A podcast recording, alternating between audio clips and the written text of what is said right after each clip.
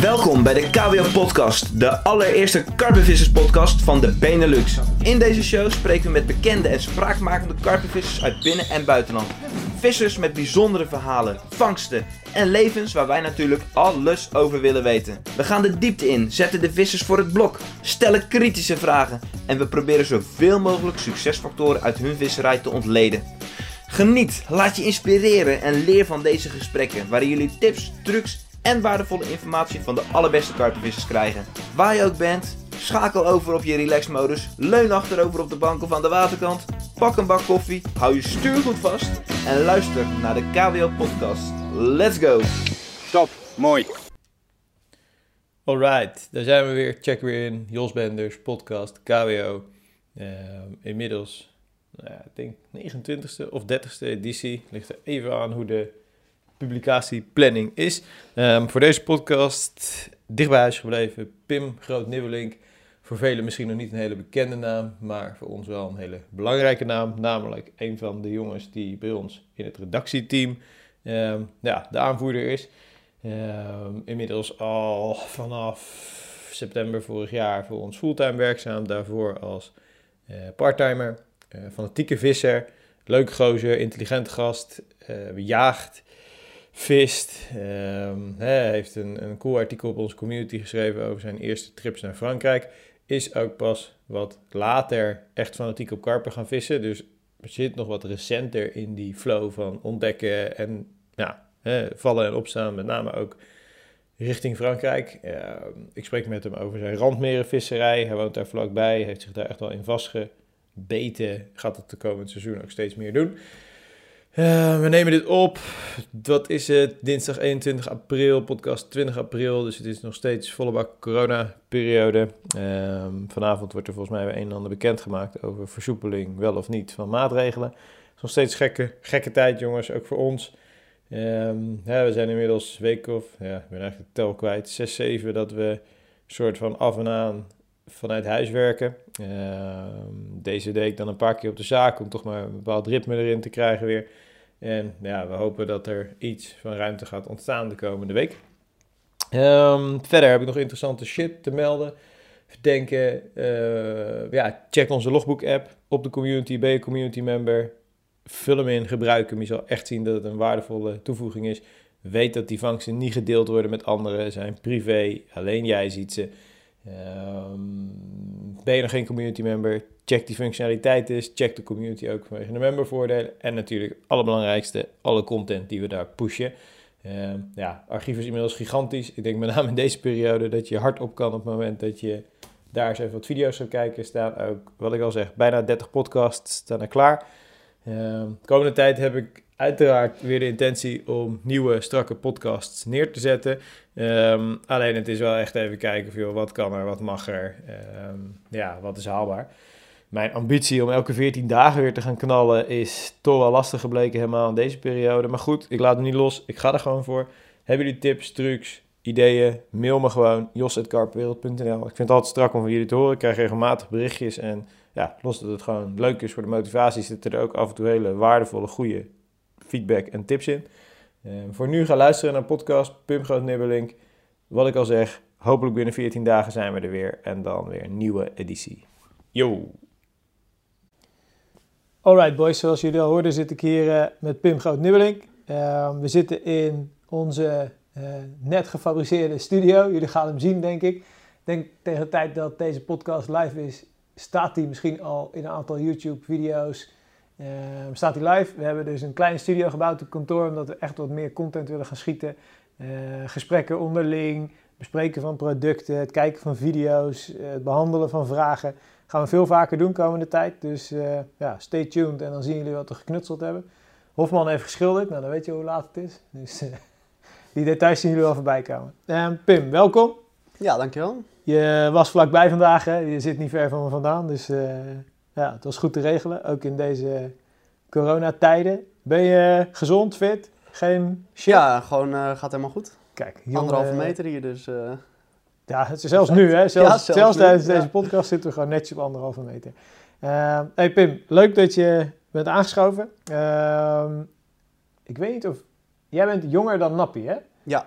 Oké, maar wel ouder dan Luc. Dus je bent denk ik de op twee na jongste podcast gast die ik interview. Oh, Ehm, leuk. Ja, eer.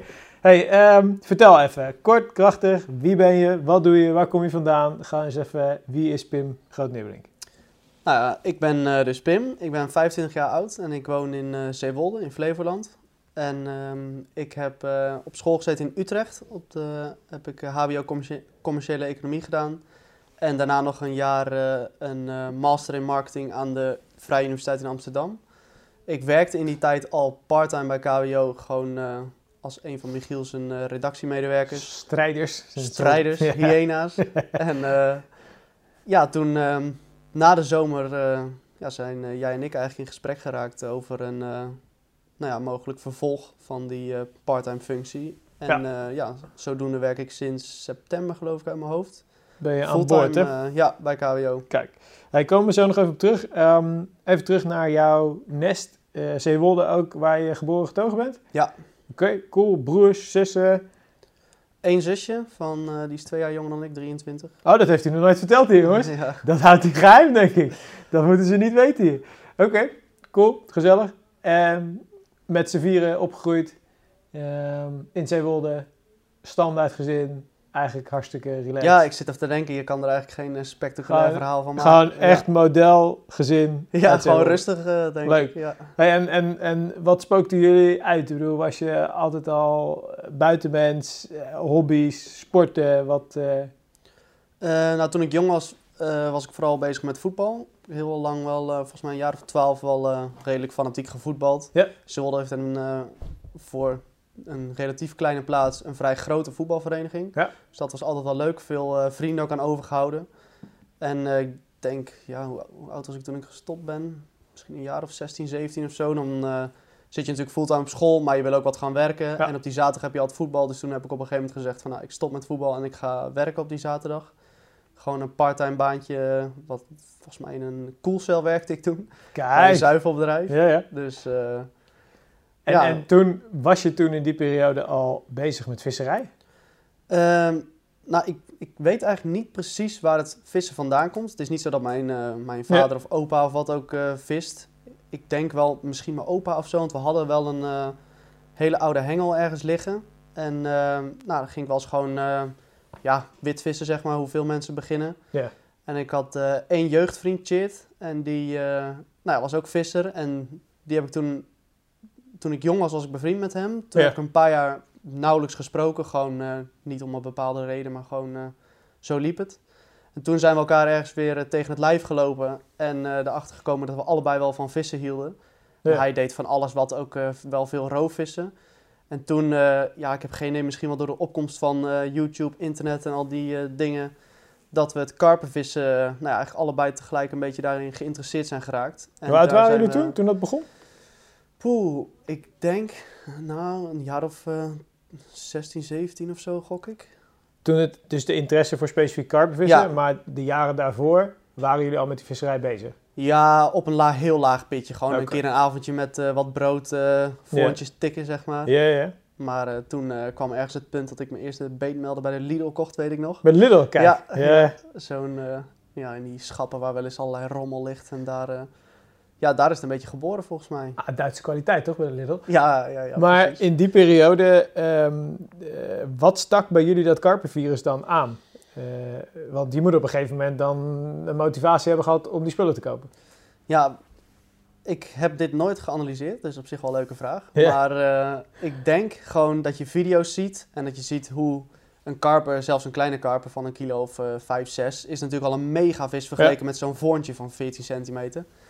Dus eh, ik denk dat daar ergens de interesse is ontstaan. En eh, ja, bepaalde, hoe zeg je dat? Bepaald enthousiasme of wat, eh, wat dan ook wat op internet te vinden was. Mensen die er Ja. helemaal gek van waren natuurlijk. Ja. Is echt meer een passie bijna dan gewoon... het is bijna nooit even een hengeltje mee. Het Nee. is vaak meteen de hele rambam. Dus ik denk dat ik daar ergens... Ja, ik denk door de opkomst van internet, YouTube, Ja. dat het daar ergens... Zat je erbij. ja, En vanaf dat moment is het ook een soort van rode draad geweest, denk ik, toch? Ja, toen is wel eh, mijn interesse in andere, hoe noem je dat, andere manieren van vissen is wel ook laag, om het zo maar te zeggen. Ik ga ook niet, eh, in principe nooit roofvissen. Ik heb nog steeds... eh, Sterker nog, je had nog nooit een snoek gevangen, toch? Nee, ik heb nog steeds nooit een snoek gevallen. Sjoerd op kantoor, jongens, Ja. die wil hem altijd nog een keer meenemen. Dat, ja, dat moeten we wel Nou, moet ik In ook. 2020 moet je gewoon een keer een snoek vangen. Ik vind het ook wel op zich wel leuk hoor. Roof is natuurlijk voor mijn gevoel iets makkelijker in de zin van even een hengeltje, koffertje Ja. met eh nepaas en eh, lekker gaan. Dus dat wil ik ook zeker wel eh, ja, gewoon een paar keer gaan doen voor de bij. Maar karpenvissen is wel altijd, zal wel altijd rode draad blijven, Ja. denk ik. In prio. Ja. Tof. Hey, en in die periode, je gaf natuurlijk aan de middelbare school. Wat heb je gedaan? HAVO, VWO uiteindelijk?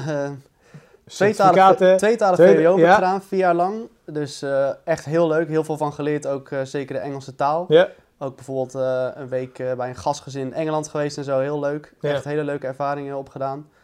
En toen in ehm 4 VWO, ja, het zal ook ongetwijfeld wel deels aan mijn motivatie hebben gelegen. Maar het ging net niet helemaal lekker. Ik zat een beetje op het randje van eh, wel of niet overgaan. ja. Dus toen heb ik de keuze gemaakt om van 4 VWO naar 4 HAVO te gaan. Dus een stapje terug. ja. En die twee laatste jaren HAVO gingen me gewoon prima af eigenlijk. Dus eh, En vanaf daar ben je HBO ingestroomd. Ja, en toen doorgestoten eh, Ja, naar je daarna moest je dan tussen eh, HBO en eh, universitair zo'n eh, pre-master doen, zo'n Ja. half jaar. En zo'n speciale toelatingstoets maken, zo'n GMAT-toets. Oh ja. Heel leuk, ja. zou het iedereen aanraden. Heb je wel moeten voor moeten blokken, toch, in die tijd? Ja, dat was, eh, Serious. dat was wel eh, op zich... Of ja, ik vond het pittig. Het gaat om Engels en wiskunde. En Engels ging me redelijk goed af. Maar het is wel, eh, hoe zeg je dat? Ik vond het in ieder geval best een hoog niveau. Ja. En wiskunde, ja, dat heb je dan weinig gedaan op je HBO. Dus dat moest ik echt weer volop, eh ja, weer opkrikken, zeg maar. Ja. Maar uiteindelijk gelukt, tweede poging. En, en heb je... ehm, je bent dus uiteindelijk op je 24ste afgestudeerd. Zeg ik dat goed? ja, Ehm, toch? Ja, vorig, Best, nog best vlot, toch, ja, uiteindelijk? vorig jaar eigenlijk. Ja. Ja. klopt. Op zich is zeg maar, ik ben één keer dan een beetje... eh, Iets vertraging helemaal opgelopen. blijven zitten. Ja. Ja. En eh, sindsdien is het helemaal goed gegaan, ja. Hey, en ehm, we hadden het natuurlijk over hobby's, dingen. Ehm, ik weet natuurlijk dat je ook een, een, een jager bent. En geen vrouwenjager, jongens, want we hebben dat stuk nog niet gehad. Maar hij is er volgens mij... Hoe lang ben je al samen? Eh, een jaar of zes volgens mij. Ja, net huis gekocht. Dus hij is zich aan het settelen. Dus jagen hebben we het echt over. Traditionele jacht hebben we het over. Ja. Ehm, natuurlijk best wel, ja, ergens controversieel ding. Is vissen ook, hè? laten we niet hypocriet zijn. Eh, maar ik wil daar wel eens wat, wat, wat meer over weten van je. Want wij maken natuurlijk wel schrappen over van... Hè, Pim, heb je wat geschoten? En ehm, ja, daarin snappen we misschien niet helemaal je motivatie.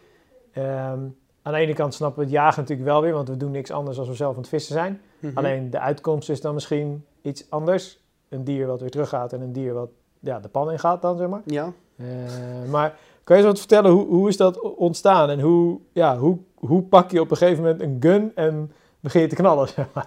Het is heel, heel kort door de bocht, hè? dat snap je. Ja, Maar ja. Vertel. Maar, eh, ik kan me voorstellen dat het soms zo lijkt. Ja. Ehm, nou, wat ik eerder zei van vissen zit bij mij helemaal verder niet echt in de familie, maar het jagen eigenlijk meer. Ja. Mijn opa jaagde ook eh, vroeger, mijn vaders vader. En ehm, maar bij mijn vader is het echt van jongs af aan zit het er al in. Hij woonde op een boerderij en daar, eh, ik, denk dat, ik denk dat de regels toen ook nog wel iets eh, anders waren. dus hij liep de hele dag met een windbuks een beetje knallen. muizen te knallen en weet ik veel wat hij allemaal uitspookte met zijn broer samen. Ja. En bij mijn vader is het echt blijven hangen. Die is echt heel fanatiek eh ermee. En eh, ja, zodoende ga ik zeg maar sinds ik een kleine jongen ben al mee. Gewoon Ja. duiven schieten of ja, dat soort dingen. Dus dat zit er bij mij gewoon van jongs af aan al in. En ehm, op een gegeven moment kan je natuurlijk zelf een jachtakte halen als je 18 bent. Ja. Volgens mij mag je er zelfs al mee beginnen als je 16 bent. Weet ik eigenlijk niet eens helemaal zeker. En ik jacht, eh, jachtakte 18. betekent ehm, een soort bekwaamheidstoets of zo? Of wat, wat, Ja, wat het is dat? wel echt even. Het is niet van eh middagje cursus. Het is wel echt een heel eh, serieus traject. Kost Ja. ook best wel wat geld. Het is een eh, theoriedeel waarbij je zeg maar. Ik geloof dat ik twaalf keer een zondag.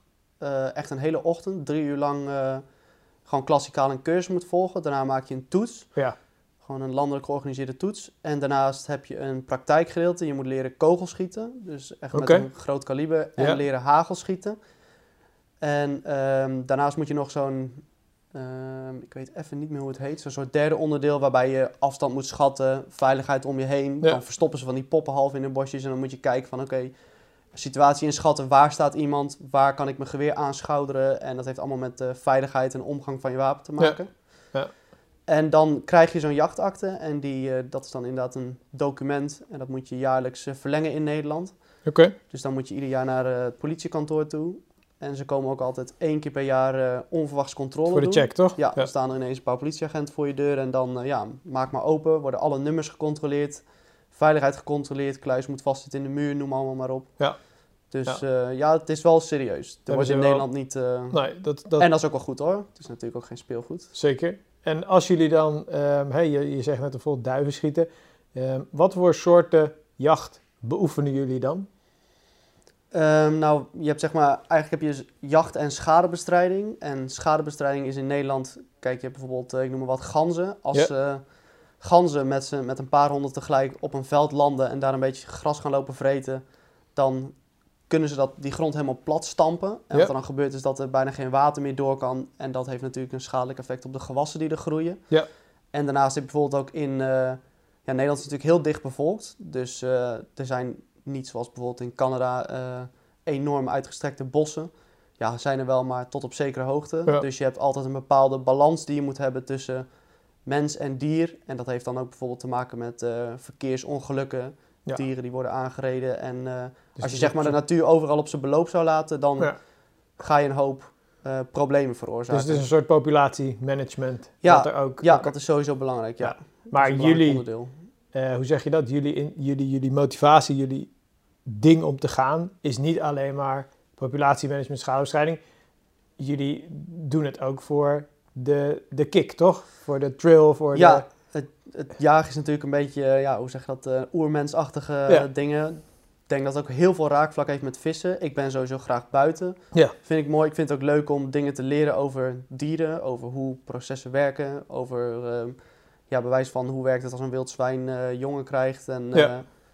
hoe lopen al die dingen. En, En, en voor onze beeldvorming, daar zijn ook allerlei regels om. Hè? Je Ja, bedoelt, dat het, is- het zwijn mag niet geschoten worden in bepaalde tijden Ja. met jonge... nee, Toch om- dat... je mag sowieso nooit een, een vrouwelijk stuk wild bij zijn jong wegschieten, zeg maar. Ja. Dus, eh, nou ja, er zijn talloze van dat soort richtlijnen. Ja. Dat, eh, nou ja, daar kun je wel in verdiepen via internet of wat ook. En eh, er zijn inderdaad bepaalde periodes waarin je dieren mag schieten. En dat is allemaal gebaseerd op dat je zeg maar niet het proces verstoort, het natuurlijke proces ook Ja. van... kijk, Ja. als, hoe zeg je dat, bepaalde dieren in een soort van paringstijd zitten, om het zo maar te noemen. Ja. Dan ja, kun je dat niet natuurlijk vreed gaan verstoren, want Nee, er moet er wel gewoon altijd een verse aanwas zijn van eh, nieuwe dieren. Ja, en, en als je dan kijkt naar, ehm, dus, dus inderdaad de vergelijking hengelsport, jacht, nou die is natuurlijk heel, eh, heel groot. Ehm, alleen wat ik net al zeg, dat einddoel is anders. Die vis gaat terug. Nou, daar kun je ook van zeggen, joh, die heeft pijn geleden. In Duitsland is daar volgens mij ook de wetgeving zo afgestemd dat ze dus vinden dat de dood een vriendelijkere uitkomst, diervriendelijkere uitkomst is dan het terugzetten na vangst. Dus daarom mag je dus officieel ook geen vis terugzetten in Duitsland. Maar Ja, Ehm, hoe, hoe ervaar jij dat dan, zeg maar, dat je dus uiteindelijk het dier doodt of zo? Is dat, ehm, ja, wat gebeurt er in jouw hoofd dat je zegt van oké, daar, daar, dat, dat, dat heb ik op een goede plek zitten, dat, dat kan, dat mag. Ehm, en wat gebeurt er vervolgens met het dode dier? Want dat is denk ik ook wel heel, eh, ja. ja. Ja, ik moet zeggen dat eh dit eh, zet me wel aan het denken. Maar eh, dat kijk, is niet mijn bedoeling hoor, maar ik ben Nee, gewoon eh, benieuwd naar... Het heeft, me, het heeft denk ik ook te maken met bepaalde gewenning. Kijk, ik weet van Ja. jongs af aan al dat dingen zo gaan. En kijk, heel veel mensen, relatief weinig mensen jagen natuurlijk ten opzichte van de complete bevolking. Ja. Maar ehm, ja, er zijn wel veel meer mensen die in een restaurant een hertenbiefstukje bestellen, om ik noem maar wat. Exact. Dus ja, waar komt dat dan vandaan? Dat komt natuurlijk niet uit een of andere kweekboerderij.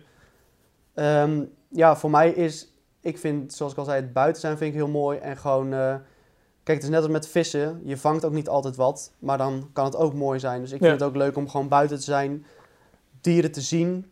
En eh, ja, je ziet ze natuurlijk in een natuurlijke omgeving. Dat is sowieso gaaf om te zien. Ja. Ik weet nog dat eh, toen ik net verkeering had met mijn vriendin, dat ze zei... Ja, ik heb nog nooit een vos gezien in het echt. Ja. hè, nog nooit een vos gezien in het echt. Dat heb ik er al honderden van gezien, weet je wel. Dus je, er gaat eigenlijk een compleet nieuwe wereld voor je open als je gewoon vaak in het bos bent. En dat kan natuurlijk ook als je gewoon wandelt en noem maar, maar op. Maar als je echt die avonden, soms Ja. zelfs nachten en ochtenden en eh, gewoon echt op pad gaat, op jacht gaat eigenlijk. Dan, Ja. ja, Dus daar zit een heel stuk van jouw ja heel in, veel beleving is Ja. het eigenlijk, denk ik. En dan voor jouzelf, het feit dat je dus het dier doodt en niet terugzet. Ehm, is dat dan ook dat je het vaak daarna of eet of dat het gebruikt wordt ergens voor, dat dat dan ook... eh, want dat, dat is bij jullie wel het geval, toch? Ik heb je dat wel eens gevraagd. Ja, het is, van, het is natuurlijk mega belangrijk dat je niet... Want kijk, als jij een dier zou schieten en je Ja. doet er niks mee, je laat hem bewijs van liggen. Ja. Ja, dat is natuurlijk, hoe zeg je het, dan is het puur doodschieten zinloos doden. is het Ja, eigenlijk wel. Of tenminste, zo kijk ik er wel een beetje tegenaan. Dus wat je in principe altijd doet als je een dier schiet, dan eh, eh, zeker met groter wild, ik noem maar wat, een ree of een hert, een wild zwijn, dan is het eerste wat je doet ontwijden. Dat is zeg maar, ehm, ja, zonder al te ranzige details, het dier opensnijden, verwijderen van zijn ingewanden, Ja. zonder het vlees te beschadigen, wat bijvoorbeeld eh, op de heupen en noem allemaal maar op zit. Ja, En dan kan je hem zelf opeten. Ja, Dat mag niet overal. Ook eh, bijvoorbeeld in Duitsland is het vaak centraal geregeld. Dan, gaat, dan hang je hem in een koelcel en dan komt een lokaal, gaat het naar een lokale slager of zo. Ja. En wat wij eh, in Zeewolde veel doen, is dat het gewoon naar lokale restaurants toe gaan. Ja. Die daar gewoon, nou ja, vaak ook best wel gespecialiseerd in zijn in wild. ja. En eh, ja, de, het idee is natuurlijk dat de verspilling echt minimaal is. Ja. Kijk, zo'n dier moet je nooit zomaar doodschieten en er dan vervolgens niks mee doen. Het zou ook gek zijn als je in het bos wandelt en je ziet Die overal beesten dode liggen. beesten nee, liggen. tuurlijk, dat... Maar er is dus gewoon een complete circle of zo. Ja, in principe Dus- dus- wel. ja. ja. want eh, er moet dus een bepaalde balans zijn. En als jij dan een aantal reeën, om maar even een voorbeeld te noemen, Ja. schiet om de balans te houden, dan ja, wordt er natuurlijk ook dat vlees wordt weer verwerkt, zeg maar, uiteindelijk, tot het bij iemand eh, nou, in een restaurant of wat ook eh, op zijn bord komt. Ja, ja, ik denk dat dat stuk vooral voor veel mensen die een oordeel hebben. Dat is ook over het vissen altijd zo. Hè? Dus ja, hè, je jankt die vis een haak door je bek. Klopt, dat is stress, dat is pijn. Maar er zit ook een stuk behandeling na. Ja, wat dan in ieder geval ervoor zorgt dat in het geval van vissen die karper zo goed mogelijk weer terugkomt in het water. En in het geval van jagen dat er ook echt een doel is met hetgeen wat jullie geschoten hebben. Of zo daarna. Ja, het heeft te maken, denk ik, met eh, inderdaad, je hebt er gewoon een, bij vissen natuurlijk altijd zorg bij dat je gewoon zo goed mogelijk met die vis omgaat. Ja. Hè? Daarom is visveiligheid ook zo'n Ja. enorm grote topic. Je gooit zo'n vis niet meer eh, niet op het gras terug. En eh, je hebt helemaal onthaakmatten en Ja. alles voor om die vis zo goed mogelijk te behandelen. Ja. Onbeschadigd terug te zetten. En je kan zelfs wonden behandelen tegenwoordig met eh, de je hulpmiddelen die we hebben. allerlei materiaal daarvoor. Ja. Ja. Alright, cool. Leuk om, om in ieder geval een stukje inzage. eh, ik, ik snap heel veel in het proces wat jij schetst over het jagen. Persoonlijk heb ik met het doden iets meer een probleem. Maar Mhm. dat is ergens ook hypocriet, want ik vreet het wel. Ook niet meer zoveel de laatste tijd, maar ik vreet het wel. Dus eh, hè, dat is natuurlijk heel lastig om daar een... Ja, ik vind het wel leuk om... eh, beïnvloed door onze vegan Mark. Ja, en mijn vegan vrouw, dus dat gaat alle kanten op. Ehm, we gaan de stap maken naar even KWO, want dat is ook wel leuk. Je bent natuurlijk bij ons aan de slag gegaan. Wat spook je uit hier in onze toko? Wat, wat doe je? Nou, toen ik eh, dus part-time werkte, deed ik al redactieklussen. En dan Ja. moet je denken aan artikelen die mensen insturen. Bijvoorbeeld over hun eigen visserij. Gewoon, eh, nou, ik heb een leuk avontuur beleefd in Frankrijk. Daar heb ik een stukje over geschreven en wat foto's. En dan eh, nou, ga ik door die tekst heen, zet Ja. ik er foto's in, maak ik kopjes, noem allemaal maar op. Dat het gewoon een gelikt artikel wordt uiteindelijk voor de lezer. Ja.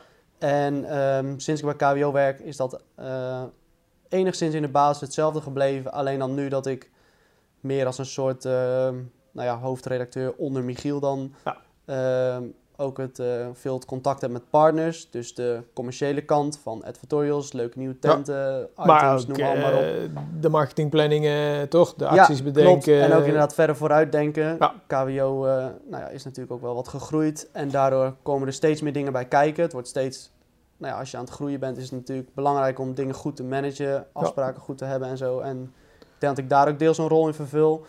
En daarnaast sta ik eh Mark bij met gewoon de marketing over eh, alles wat met KWO te maken heeft. En bijvoorbeeld de KWO specials. Ja. We hebben natuurlijk kleding. Dus eh, Ja, en, en, en alle publicaties die je dus eigenlijk op de openbare KWO ziet, zijn linksom of rechtsom wel langs Pim zijn ogen gegaan. ja, Ehm, en ik denk ook dat als je kijkt naar de samenwerking met partners, dus de mediaplanningen, maar ja, waar we vroeger eigenlijk veel meer een uitvoerende club waren, zijn we nu ook weer de creërende en de bedenkende club. Het is heel vaak zo dat wij, jij in dit geval dan met planningen, ideeën komt hoe dus die bedrijven op een zo goed mogelijke manier hun marketing kunnen invullen door de samenwerking met ons. ja, Hè? En, en dat dat ook in jouw, eh, jouw business zit.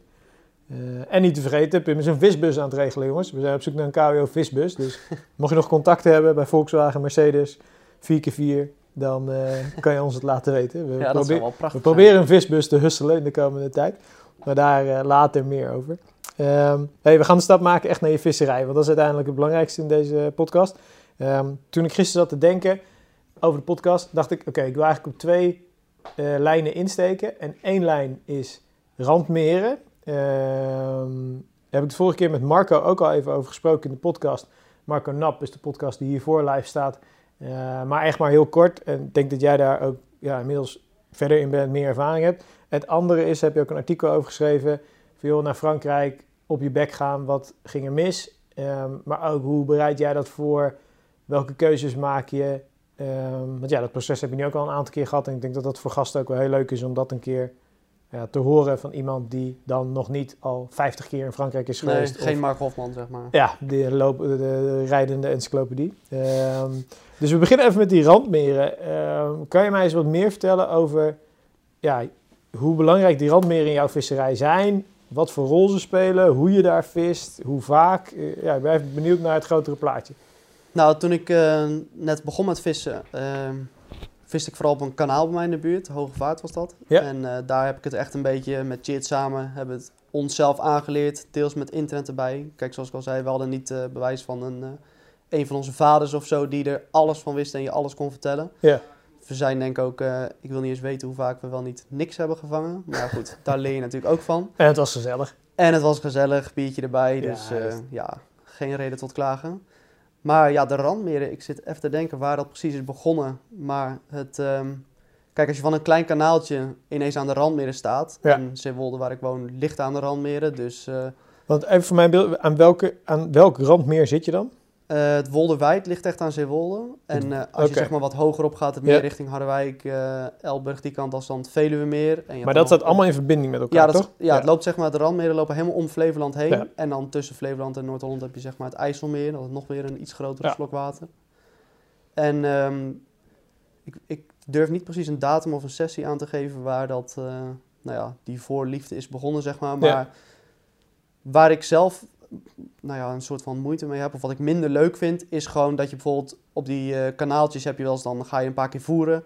Dan kom je daar en dan zit er iemand anders. Ja. Weet je wel, Dat is lastig. het liefste heb ik een plek waar ik helemaal mijn eigen ding kan doen. En het wordt steeds lastiger natuurlijk. Ik bedoel, door het internet kun je Ja. alles vinden. Google Maps laat alle stekken in principe al zo'n beetje zien. Ja. Maar de randmeer is natuurlijk nog wel gewoon het grote, avontuurlijke... eh, ja, gewoon de uitdaging en het grote water, dat trekt me heel erg. Dat Ja. vind ik heel gaaf. Een kantvisserij dan of boot is jouw visserij? Eh, nou, als ik een boot heb, was het 1000% bootvisserij. Die staat Ja. echt bovenaan het verlanglijstje als ik mijn huis enigszins heb afbetaald. En dan misschien een keer met Chit samen eh, zoiets regelen. Dat is natuurlijk de ultieme vrijheid. Zeker op zo'n water als de Randmeren kun je dan echt je leven lang vissen zonder dat je erop uitgekeken raakt. Tenminste, zo zie ik het. Ja. Maar voor nu is het vooral eh, kantvissen en ook af en toe wel gewoon het bootje vol stampen. Even naar een eh schiereilandje varen. En vanaf daar ook. vissen. Ja. Vanaf daar vissen. We proberen ook echt wel, eh, juist doordat je die moeite doet, kom je natuurlijk op de plekken waar Ja. het minder vaak eh, druk is. Maar in principe kun je op de randmeren ook veel, in veel kantjes goed vissen. Ik noem maar wat, op het Veluwemeer is de, zijn de randmeren bewijs van 800 meter breed. De Vaagheul is 100 meter breed en op de rest van het stuk kan je lopen. Ja. Dus waar, ik heb op plek gevist daar, had je gewoon een richtpunt van een paar bomen. Zette je 100 goede stappen in je waadpak en daar legde je je richt gewoon eh, tussen je voeten neer en dan liep je terug. ja. En zo kon je daar gewoon vissen. Want die vis trekt ook over die ondiepe Ja, platen. die gaan. vis, Ja. zeker nu in het voorjaar, is het, eh, ja, het is ieder jaar weer net anders wanneer ze er wel en niet op zitten. Ja. En eh, zeker het Veluwemeer is meer een zandbodem, Ja. vaak ondieper op veel plekken. En waar ik woon bij het Wolderwijd zit vaak iets dieper, zeg maar niet helemaal dat je er kunt lopen. En een kleibodem, Ja. dus die is, eh, daar zit wel wat verschil in. Dus zelf de plekken dicht bij Zeewolde is meer, eh, daar hou ik het vooral bij de Vaagul. Vaak eh, bovenop het taluut, onderin het taluut. Dat soort plekken hebben voor ons heel vaak eh, vissen opgeleverd. En ehm, wat me trouwens nog het meeste misschien wel trekt aan de randmeren... is gewoon het onbekende in de zin van... als ik op de hoogvaart een aanbeet kreeg... dan wist je dat het een torpedoschub was van Ja. maximaal 10 kilo. En op de randmeren kan het een mooi schubje zijn van een kilo ja. of 10... maar er zitten ook uitzetters tot zeker al over de 20 kilo. Ja. Dus eh, ja, je weet nooit wat het is. En, En, en dat is wel heel mooi eraan. zie je, ehm, lukt het je om vis te lokaliseren daar? Zie je vis? Ehm, zelf heb ik heel weinig vis gezien eigenlijk Ja. op de randmeren. We werken de laatste, het laatste jaar ook steeds meer met een drone. En dan proberen we ook daar wel wat uit te halen, maar met een klein beetje wind. En als het dan al iets dieper is, dan is dat vaak al best wel lastig. Ja. En springen, draaien is heel lastig om... Voor mij persoonlijk, Ja. waar ik heb gevist, heb ik dat eigenlijk zelden gezien. Ja. Een springende of draaiende vis. En op, op, op basis waarvan maak je dan wel de keuze om bijvoorbeeld eh, een bepaalde stek te gaan bevissen?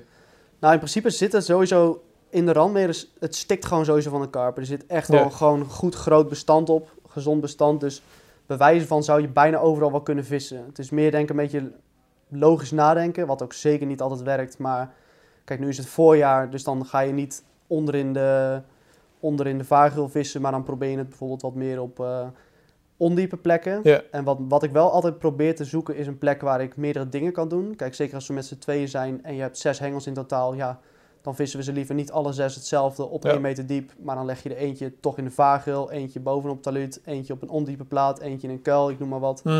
Dus ik denk dat het vooral, eh, nou ja, zoeken naar een plek waar het niet al te druk is het liefst. Ja. En dan speelt ook de dieptemeter wel een grote rol van eh, hoe is het bodem verlopen en waar kunnen we ze verwachten. En heb je dan specifiek, eh, je geeft aan eh, kuiltjes, nou ja, dan nu niet, omdat je natuurlijk daar meer de diepte op zoekt.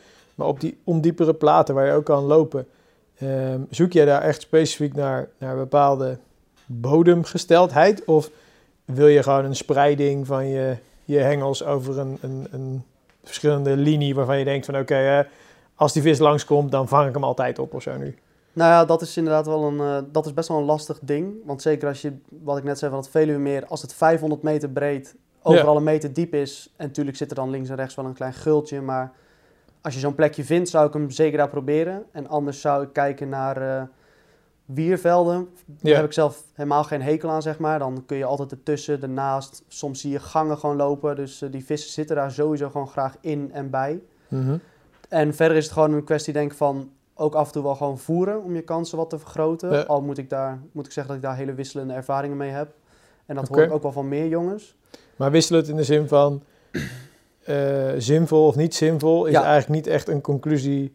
Nee, tot nu toe in ieder geval nog niet. Ik Ja. bedoel, ik heb mensen gesproken die zeiden ja, ik heb wel eens gevoerd drie dagen lang en dan ving ik twee vissen en die week daarna ging ik zonder te voeren ving ik er zeven. Ja, Oké. dan heeft gewoon Ja. met een bepaalde trek van die vis te maken. En eh, kijk, als het kan, probeer ik wel eens wat te voeren. Als ik zeker weet dat er niemand anders zit. Ja. Maar vaak probeer ik het ook gewoon in stand. En ik hoor daar ook veel goede verhalen over Ja. mensen die eigenlijk eh, nauwelijks voeren. Is niet zo, en dat, dat hoor ik ook wel van andere gasten die op zulke grote wateren vissen, dat het vaak heel lastig is om die vis vast te houden. Ja, dat is mega lastig. Ja. Zeker ook, kijk, als je daar... Je moet je voorstellen, er zitten natuurlijk talloze vissoorten. Ook voor Ja. brasem en winden en Ja. noem maar op. Dus voordat jij... Je moet echt flink strooien. Wil je alleen maar karpers uiteindelijk op je stek houden. Want En ze, vast, en het- ze vasthouden. Ja, de helft van het aas wordt gewoon weggevreten door andere vissoorten. Ja, want als ze weten inmiddels van, joh, voor je voert op een avond 5 kilo en de volgende ochtend is het weg en jij komt pas de avond daarna weer voeren. En ze hebben wij spreken Ja, dan zijn ze tien tussenliggende uren waarop er gewoon geen bol meer te vinden is. Ja, dan trekken ze verder natuurlijk. Ja, Ja, dat is lastig. Hey, en ehm nou ja, stekkeuze hebben we over gehad. Hè? Ehm, kantvisserij, bootvisserij. Nou, je wil dus het liefst boot op, op die randmeren. Ehm, je loopt je hengels uit, vaak dus, begrijp ja ik? soms ligt er echt aan het eh, Waar je- stuk. Als waar het kan vist. is Ja. het natuurlijk mooi. Dan eh lekker geen boot mee. Scheelt natuurlijk ook weer slepen. Ja. Maar eh, vaak is het eh, uitvaren, denk ik toch. Dat is denk ik het meeste bij mij. Want het is Ja. gewoon net te diep, weet je wel. Je waterpak komt tot uh, Ja, van 1,40 en, meter of zo. ja. En dan is het net 1,70 meter diep. Ja. Dus dan ja, is het of zwemmen of... Jij bent ook niet de grootste, hè? Jouw waterkop Nee, komt tot ben, 1,10 meter, eh, 10, ik weet niet. Nee, bij Chit, Chit heeft altijd al 15, 15 Ja. centimeter extra. Chit is maar- 2,20 meter, 20, dus die kan wat verder lopen. Ja. Ehm, Oké, hey, en qua bestand, hè? je geeft net al aan, gevarieerd. Er zijn natuurlijk allerlei uitzetprojecten geweest. Ehm, eh, wat is daar? Zitten daar gekke verrassingen? Want ik heb een fantastische spiegel ergens in de haven voorbij zien komen. zei ik ook in de podcast van Marco. Die komt dan elke keer mijn hoofd op. Ja, Als ik denk weet over die precies ook welke je bedoelt. Ja, Ja, die heeft toen ook een keer in de boulevard gestaan. Ja. Vergeet ik ook nooit meer. En dat is al lang geleden dat Ja, die echt een vis eh, voorbij vis. kwam. Ja. Oranje-achtige gloed of zo had Ja, eh, helemaal zo'n soort eh, beest. Ja. Ja. het is inderdaad, zoals ik al zei, het is mega gevarieerd. Die spiegelprojecten kan je wel merken dat dat... kijk, die spiegels groeien gewoon als kool. Volgens mij over het al... Ik ben verder geen viskweker, maar spiegels groeien vaak hard. Ja. Of in ieder geval op de randmeer is dat het geval. er zitten ook echt wel grote schubs. Af en toe zie je wel berichten komen van mensen die eh, toevallig afgelopen Maar uitzet of oud bestand is dat dan? Denk Dat is dan denk ik oud bestand. Oké, Maar die spiegels zijn vooral wel aan het groeien. Ik hoor steeds meer verhalen, ook wel van plekken bij ons in de buurt, waar eh, ook wel grotere vissen worden gevangen. En zelf heb ik eh, ja, bij toeval een keer wilde een maatje wilde mee, die zelf niet vist, wilde een keer mee. Nou, een avondje gevoerd, gevist op een plek waar ik vaker was. En eh, toen ving ik tot 18,5 kilo Ja. spiegel. Dus nou, ik vind dat Ja, zelf... serieus. Ja, ik vind dat echt wel heel groot. dik. Ja. Michiel zou zeggen van, eh, valt nog wel mee. Maakt maar, niet uit, eh, voor Randmeren, het is sowieso een mooie vis. En voor de Randmeren is het helemaal Ja, speciaal. gewoon sowieso vet dat je natuurlijk in Nederland Ja. en op zo'n groot water en relatief onbekend dan zulke vissen kan vangen. En ze zitten er ook sowieso groter, tot eh, 20 kilo plus is echt geen uitzondering meer, denk ik. Maar ja, goed, zie ze maar eens te vangen natuurlijk tussen al die eh, andere vissen door. Ja. Dus doorzettingsvermogen en eh, moeite doen, dat zijn wel denk ik belangrijke eh, Ja. factoren Heb, heb je voor veel last van witvis in je, in je nachten die je daar draait? Je- Chit lag zich sowieso dood als hij Ja. het hoort. Ik vang altijd alleen maar braasms en winden. Tot nu toe dit jaar op de Randmeer volgens Ja? mij vier keer gevist. En alle keren nog braasm of winden, maar nog geen, helemaal geen karper op de Randmeren. Doen jullie bepaalde aanpassingen in rigs, aas om, om die witvis uit te filteren?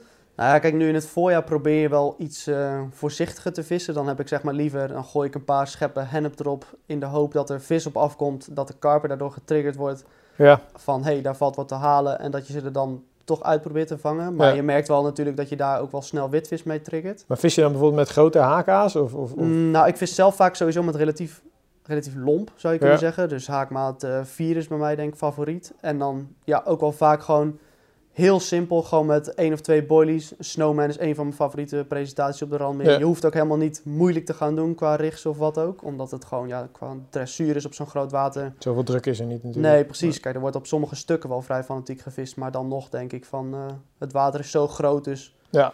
op zich heb je daar weinig last van. Dus Maar ik zou, ja, ik hou het altijd simpel. Haakmaat 4 en welke diameter aas vis je dan dus? Ja, meestal een eh, 20 mm boilie met een snowman. Ja, oké. dus Dat is zeg maar mega standaard zou je zeggen. Op een betaalwater zou ik dat juist vermijden. Maar eh, op de randmeren werkt dat perfect het is eigenlijk. gewoon attractief en eh, ik Ja, zag gewoon vroeger. simpel, betrouwbaar. Snowman valt toch altijd net wat meer op tussen, Ja. de, tussen de boilies. Vaak voer ik gewoon hele en eh, halve boilies bij. Zeker Ja. op zo'n taluut zijn die doorgesneden boilies natuurlijk, die blijven dan wat beter liggen. Ja. Dus dat, eh, ja, zo basic eh, als Ja. het maar kan eigenlijk. En, en kijk, eh, als je kijkt naar jouw richts, heb je dan, je geeft aan, vis vrij lomp. Ehm, vis je gewoon helemaal soepel, centimeter of 15, 20, een liner linertje, that's it? Of, of ga je verder in je... Nee, ik vis het liefst zo makkelijk mogelijk. Eh, richt moet gewoon voor mij ja, niet te ingewikkeld zijn. Ik heb ook wel echt een periode gehad. Als je natuurlijk begint met vissen, van, eh, ja, dan zie je weer eh, bewijs van lees je op KWO van een nieuwe rig. Och, meteen knopen dat ding en je Ja. weet niet. eh, je weet niet, uiteindelijk weet je niet meer wat je allemaal aan het doen bent en waar welke rig nou ook weer goed voor was. Dus ik probeer het gewoon. Ik heb nu een beetje, denk een paar standaard opties waar ik uit kies. En de meest standaard is gewoon een, een soepele rig met gewoon een curve shank haakje. Dat is wel Ja. echt mijn favoriet. Hoef ik dan ook geen eh, liner liner op te zetten. En En die dan vis je gewoon zonder liner liner ook? Oké. Ja, dus Ja. gewoon een klein stukje lood erop. En dan gewoon een centimeter of twintig. Mooie boilie eraan. En dan Ja. eh, gaan met iemand aan. En zijn je vis je op grotere afstanden, dat je ook al wat zwaarder lood vist? Of hoe? Ehm, ja, ook heel verschillend. Ja. Bij wijze van kan het soms eh, op 10, 15 meter uit de kant zijn. En soms moet je wel echt 100 meter plus vissen om bij de vaargeel te komen. Dus dan probeer ik dat ook altijd wel. Ik vis ook eigenlijk altijd met gevlochten op de randmeren. Ook Ja. omdat je dan die uitwijkmogelijkheden hebt voor jezelf. Ja.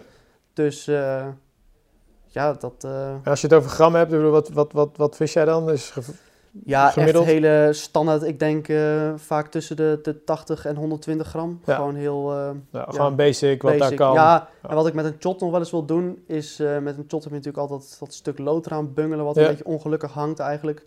Dus dan probeer ik zo licht mogelijk als waar ik mee weg kan komen. Dus op Ja. grotere afstand moet je natuurlijk wel iets zwaarder hebben, maar ja, als ik bewijzen kan met een 40 grams loodje, dan eh, zou ik dat zeker doen. Ja, ja. Hey, en, en, en Randmeren, als je kijkt naar dit jaar, heb je dan bepaalde plannen of ambities of wensen, doelen? Eh, Hoe prominent is die visserij in je visserij dit jaar? Nou, Randmeren staat sowieso echt op nummer 1. Het liefst ga ik altijd gewoon naar de Randmeren. En ehm, ja, qua doel eh, probeer ik eigenlijk sinds eh, vorig jaar heb ik wel zoiets van, nou, ik wil wel echt graag een 20 kilo plus vangen. Ja, van, van gewoon dat openbare dat Ja, dat is gewoon zijn de ultieme ervaring, Ja. denk ik. Spiegel of schub, als je mag kiezen? Als ik mag kiezen, eh, schub. 100%. Ja? Ja, Ja, nog, nog vind ik echt specialer. wel vet, ja. Maar weet je, ja, ik, eh, en net als met grote of kleine vis, het interesseert me allemaal Ja. niet zo mega veel. hoor. Tuurlijk is het vet. Kijk, als ik tien sessies achter elkaar tien kleine knolletjes zou vangen, ja, dan heb ik zoiets van, oké, ik ga het anders Ja. aanpakken. Maar voor nu, zeker omdat het dit jaar nog niet echt los is, Is bij mij vangen dan gewoon het belangrijkste. is vangen gewoon Ja. sowieso het belangrijkste. En die grote vissen, die eh, Ja.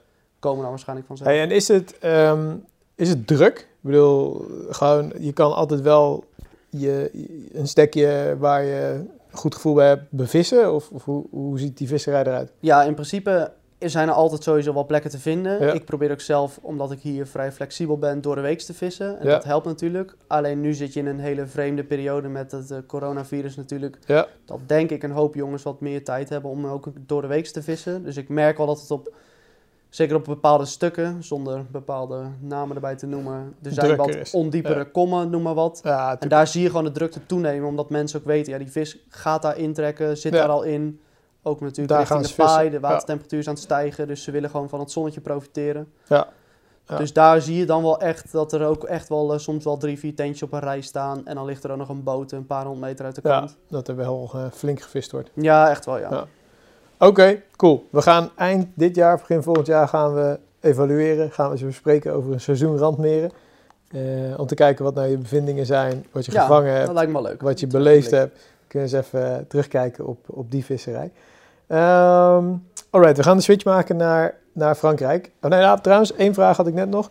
Ehm, als je moet omschrijven hoe vaak je nu nog vist, hoe ziet jouw Nederlandse visserij eruit? Bedoel, Maak je nog een nachtje per week? Ehm, daar was ik ook nog benieuwd naar. Hoe, hoe de, hoe, Ja, wat Hoe ik... vaak ga je? kijk, je moet natuurlijk altijd een bepaalde balans houden tussen... ik moet wel mijn werkuren kunnen maken. Ik wil in het weekend ook leuke dingen doen met mijn vrienden. Nou ja, nu een terrasje pakken zit er natuurlijk niet in nu. Nee. Dus het is makkelijker om dan te kiezen voor vissen. En ik wil in het weekend ook gewoon met mijn vriendin afspreken. Dus eh, voor nu komt het eigenlijk perfect uit dat ik door de week kan vissen. Ja. Ik probeer vaak een beetje einde van de week een nachtje te pakken. Dan werk ik een dag thuis. Ja, nu werken we natuurlijk allemaal Ja. thuis, maar... Dan werk ik daarna die dag thuis en dan heb ik eigenlijk het hele weekend ook nog over. Ja. Dus het zijn vaak korte nachtjes, denk ik. Gewoon het einde van de middag. gemiddeld eh, één nachtje per week. probeer ik nu in ieder geval wel aan te houden, ja. En dan af en toe een wat langere sessie. En dan is het sowieso vaak eh, met, met Chit of met nou, Jesper vis ik ook af en toe mee. Ja, leuk. Dus dat eh, probeer ik er wel in te houden. Maar dat is dan bewijs van één keer in een maand, anderhalve maand. En verder gewoon korte nachtjes. Ja, Ja, en die nachten zijn instant. Daar voel je in principe niet. in principe bijna altijd. Tenzij ik echt zoiets heb van, nou, ik eh, nou ja, heb wat Ik tijd moet er over. even wat... eh, Kijk, vaak is dat voeren voor mij op plekken, omdat je dan op een plek wil gaan waar je zeker weet dat er niemand zit. Ja, Dus dan is dat een plek, dan moet ik ergens naartoe rijden, moet ik met een boot oppompen, een motor erachter, moet ik een stuk varen met de dieptemeter uitkomen, voeren. ja. Dus dat kost even een paar uur. Ja. Dus dat, daar heb ik en niet altijd tijd voor. En niet altijd zin in. En nou ja, eerlijk gezegd ook niet altijd zin in. Plus dat als je weet dat het niet direct een mega verschil maakt, ja, Ja. dan snap ik ook wel dat je ervoor kiest om gewoon instant te gaan vissen. Ja, precies. Dat, eh, maar heb jij ook wel eens, als je dan op zo'n water vist, hè, ik weet wel, toen ik vroeger Loosrechtse plassen beviste hier vlakbij, dat ik ook echt lang zeg maar, twijfelde als ik dan mijn hengels uitvaarde. Wist ik wel van, oké, als hier vis voorbij komt, is het er vaak niet één, dan is het een school, afhankelijk van het jaargetijde. Oké, hoeveel voer je bij per hengel? Bijvoorbeeld nu, voorjaar, april, eh, hè, nu 20 graden deze week. Om dus ervoor te zorgen dat wel snel genoeg je haakaas opgenomen wordt, maar het ook attractief genoeg is voor die vis om te blijven hangen en te blijven zoeken. Zeg maar. ik, daar altijd, ja, het is natuurlijk een onderbuikgevoel, maar heb jij daar een ja, soort... ik vind dat zelf ook moeilijk. Ja, Zeker omdat ik geen eh, Mark Hofman encyclopedie in mijn hoofd heb. En, eh, maar die gozer doet ook gewoon shit op gevoel, hè? Die- ja, ja, ik, weet ik. als maar, ik hem dit soort dingen vraag, zegt hij ook altijd, ja, ja, ik pak gewoon een paar handjes uit die emmer. Dat is gewoon... Ja, nee, Maar- klopt. Alleen als je natuurlijk al honderd keer iets hebt meegemaakt, dan heb je wel een gevoel erbij. Ja. En eh, wat ik, hoe zeg je dat, wat ik mensen aan zou raden en wat ik zelf ook probeer, is gewoon zeker in deze periode rustig beginnen. Ja, Dus bewijs van een handje of anderhalf handje gewoon om je haka's heen. Want je weet dan van als ze op die plek komen, pakken ze waarschijnlijk ook je haka's, omdat er niet zo heel veel te vinden is. ja. En op basis van wat er gebeurt, ga je bijvoeren. Ja, Dus vang je bewijs van het eerste uur drie brasems, ja, pleur er dan maar meteen een kilo op, want dan zitten ze daar in Ja, de buurt. dan en dan je hoop je dat je later op de avond of in de nacht die karpers op die stek krijgen die dan toch gaan domineren. Wat, En wat, dan, voor, wat eh, voor mij ook altijd wel goed werkte, tenminste zo begon ik wel vaak, dat ik ook wel eens durfde om wat gespreider te voeren. Om te kijken van oké, als er dan in die zone of zo ergens vis voorbij trekt en ze vinden iets, dan gaan ze wel zoeken. En als je er dan voor zorgt dat het enigszins het voer verspreid is, dan zorg je er ook wel voor dat ze blijven hangen, blijven zoeken. moeten zwemmen. Eh, zichzelf ook vaak beter haken natuurlijk als je een aanbeet hebt. Maar ja, daar is ieder zijn, zijn persoonlijke ding. Het ligt er denk ik ook wel een klein beetje aan waar je ligt te vissen. Of je compleet op een open, open vlakte ligt te vissen. Of Ja. ergens tegen een kantje of tegen een rietkraag aan. Ja, daar kan je natuurlijk niet een, eh, een voetbalveld neerleggen, bij wijze van spreken. Nee, wat we wel dit jaar ook meer willen doen. Kijk, we hebben Ja. allebei best wel een, gewoon een prima dieptemeter, ook met GPS. En wat we dit jaar wel meer willen proberen is nog iets strakker erin zijn dat we zeg maar een soort V creëren. Dus eh, Ja. drie lijnen, eentje ver weg, middelverre afstand en dichtbij. Dus dan vis je ondiep op het Ja. en in de vaargeul. Dat dan aan twee kanten en dan op beide kanten gewoon een mooie strook maken. Ja, Of een halve cirkelstrook, ik noem maar iets. En dan inderdaad met GPS-punten strakker kijken, strakker op dezelfde plekken vissen. ja, Want op een groot open water is het natuurlijk lastig. Kijk, als je onder een struikje vist, ja, dat struikje kun je wel terugvinden. ja. Maar voor ons is het gewoon van een mikpunt en je vaart een stuk. En oh ja, hier begint de vaargel, pleur maar neer. ja. Ik denk dat ik in het verleden ook best wel vaak gewoon geluk heb gehad. Dat Ja, die vis, dat misschien is, viste eh, ik wel 40 meter buiten de voerstek. ja. En eh, ja, pakte ik ze wel, weet je kwamen wel. ze wel voorbij, ja. Ja. ja. Ja, ik heb die op groot water ook vaak die eh V's gemaakt. Gewoon die diagonale kruisen. Eh, dus letterlijk zeg maar van linksonder naar rechtsboven Ja, eh, dat soort 50 ideeën. meter. En van rechtsonder naar linksboven 50 meter. En dan gewoon van oké, als ze dan hier ergens voorbij komen, dan volgen ze die lijnen wel. Ja. En dan kom je ze wel ergens tegen op je stek. ja, ik denk dat het gewoon belangrijk is om ergens te beginnen natuurlijk sowieso. En dat Ja. is overal zo. En dan op basis van wat er gebeurt en wat je meemaakt en wat je ziet. Ja. En ook wat je hoort natuurlijk wel van anderen. Weer sturen. daarop beslis je de volgende beslissing, eh, of maak je de volgende beslissing, Ja. zeg maar. Ja, en ook vooral gewoon, wat jij ook zegt, is gewoon instant lekker durven te vissen. hè. Ik denk dat dat nog heel vaak wel onderschat wordt. Ja, Eh, en sowieso als je, als je aan dat water staat voor het eerste keer en je ziet die slok, het is echt Ja. wel een serieus Je water. moet gewoon beginnen ergens. je moet gewoon Klopt. ook gewoon durven. En nogmaals, er zit best, een, best gewoon een gezond, goed bestand op. Dus Ja, op de meeste plekken zijn ze wel gewoon te vangen. echt wel vis te vangen. Ja. Ja. Klopt. Alright, switch naar Frankrijk. Ehm, ja, denk je geeft al aan, hè? je bent 25.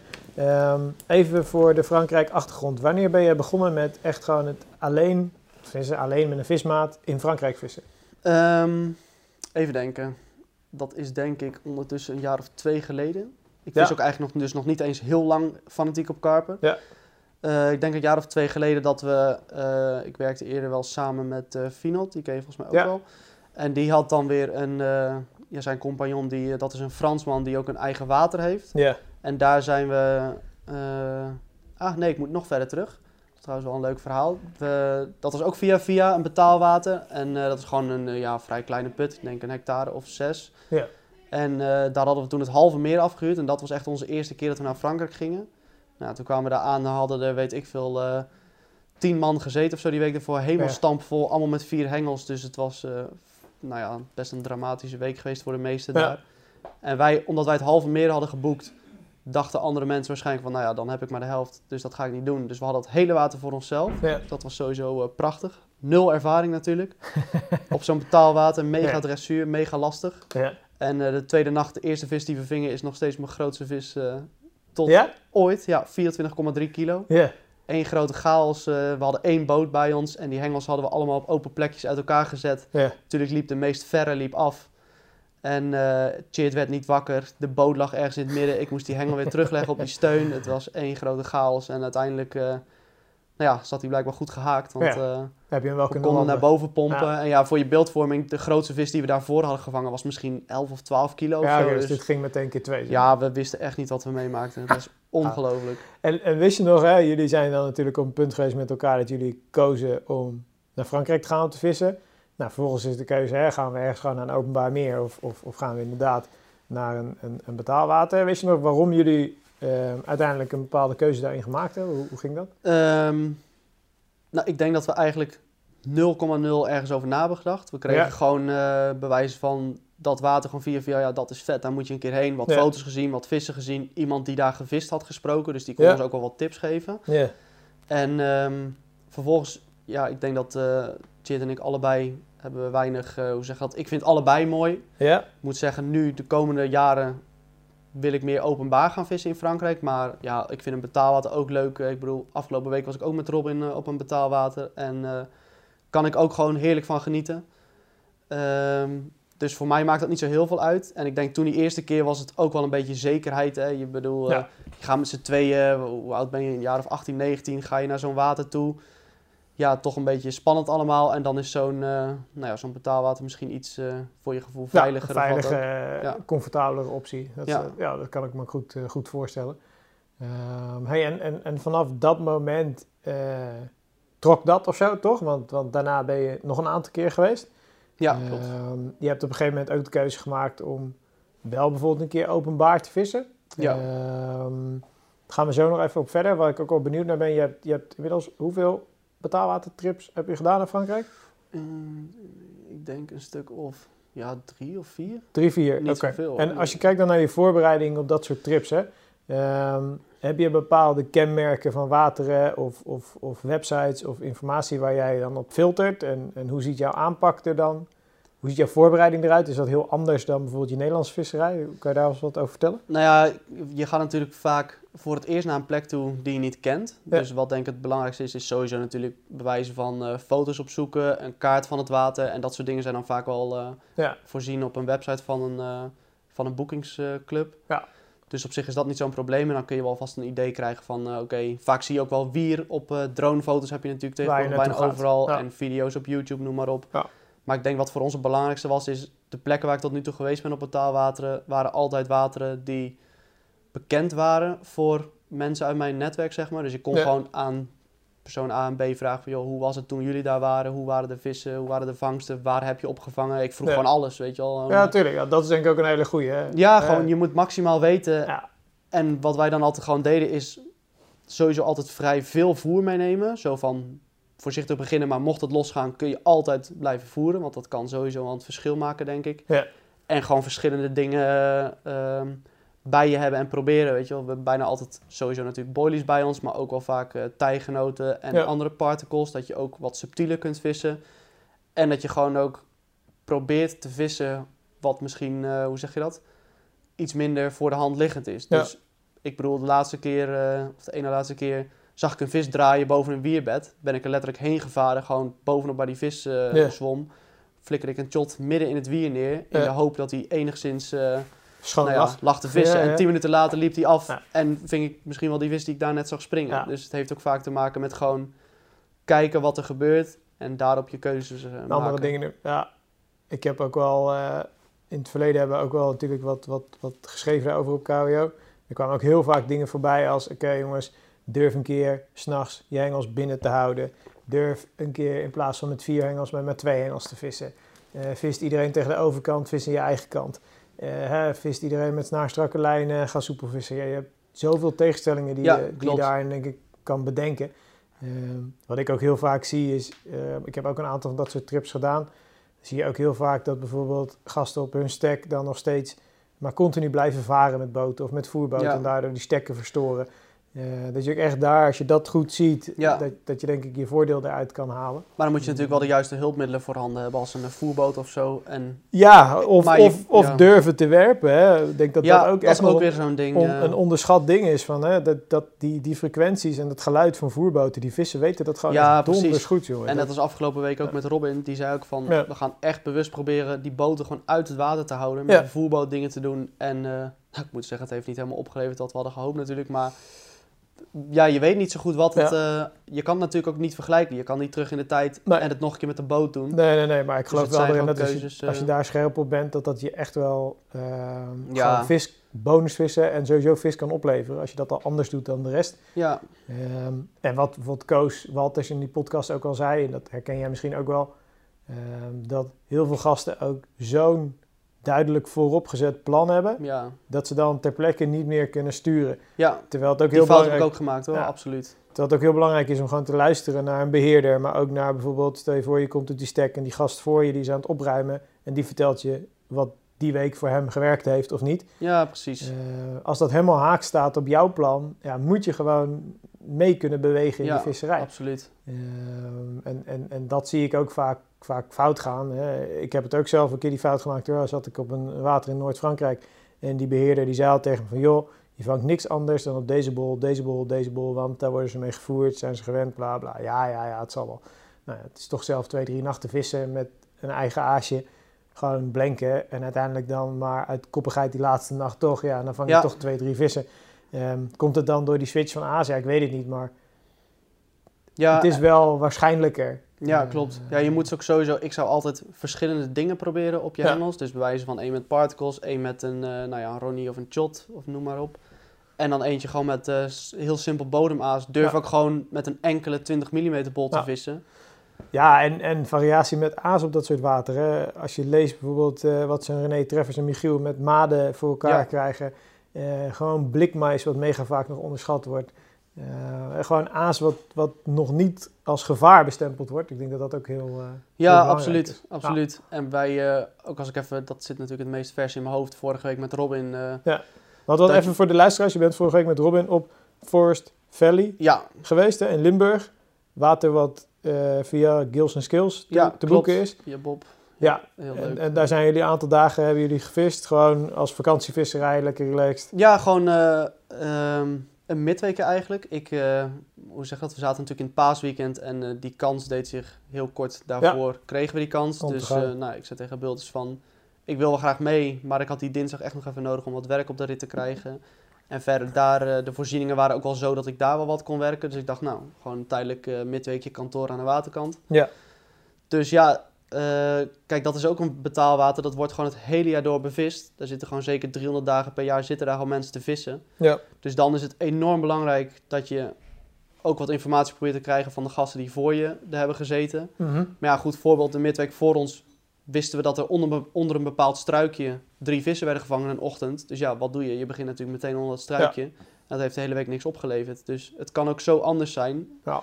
En ik moet zeggen dat het ja, waarschijnlijk... We hebben van alles geprobeerd. Diep, ondiep, boilies, alle soorten aas. En het was gewoon, eh, het was gewoon taai. Ja. En een stuk water die normaal, nou ja, zeg maar waar het niet per se moet gebeuren. Daar stond een bonushengeltje en die liep wel vier keer af. Dus ja, je moet gewoon... ja, deze, wat dat betreft is, is, is, is het ook... ehm, je kan echt wel bepaalde signalen interpreteren en een plan maken. Maar ook daar kan je compleet nat gaan. En, ja, absoluut. ehm.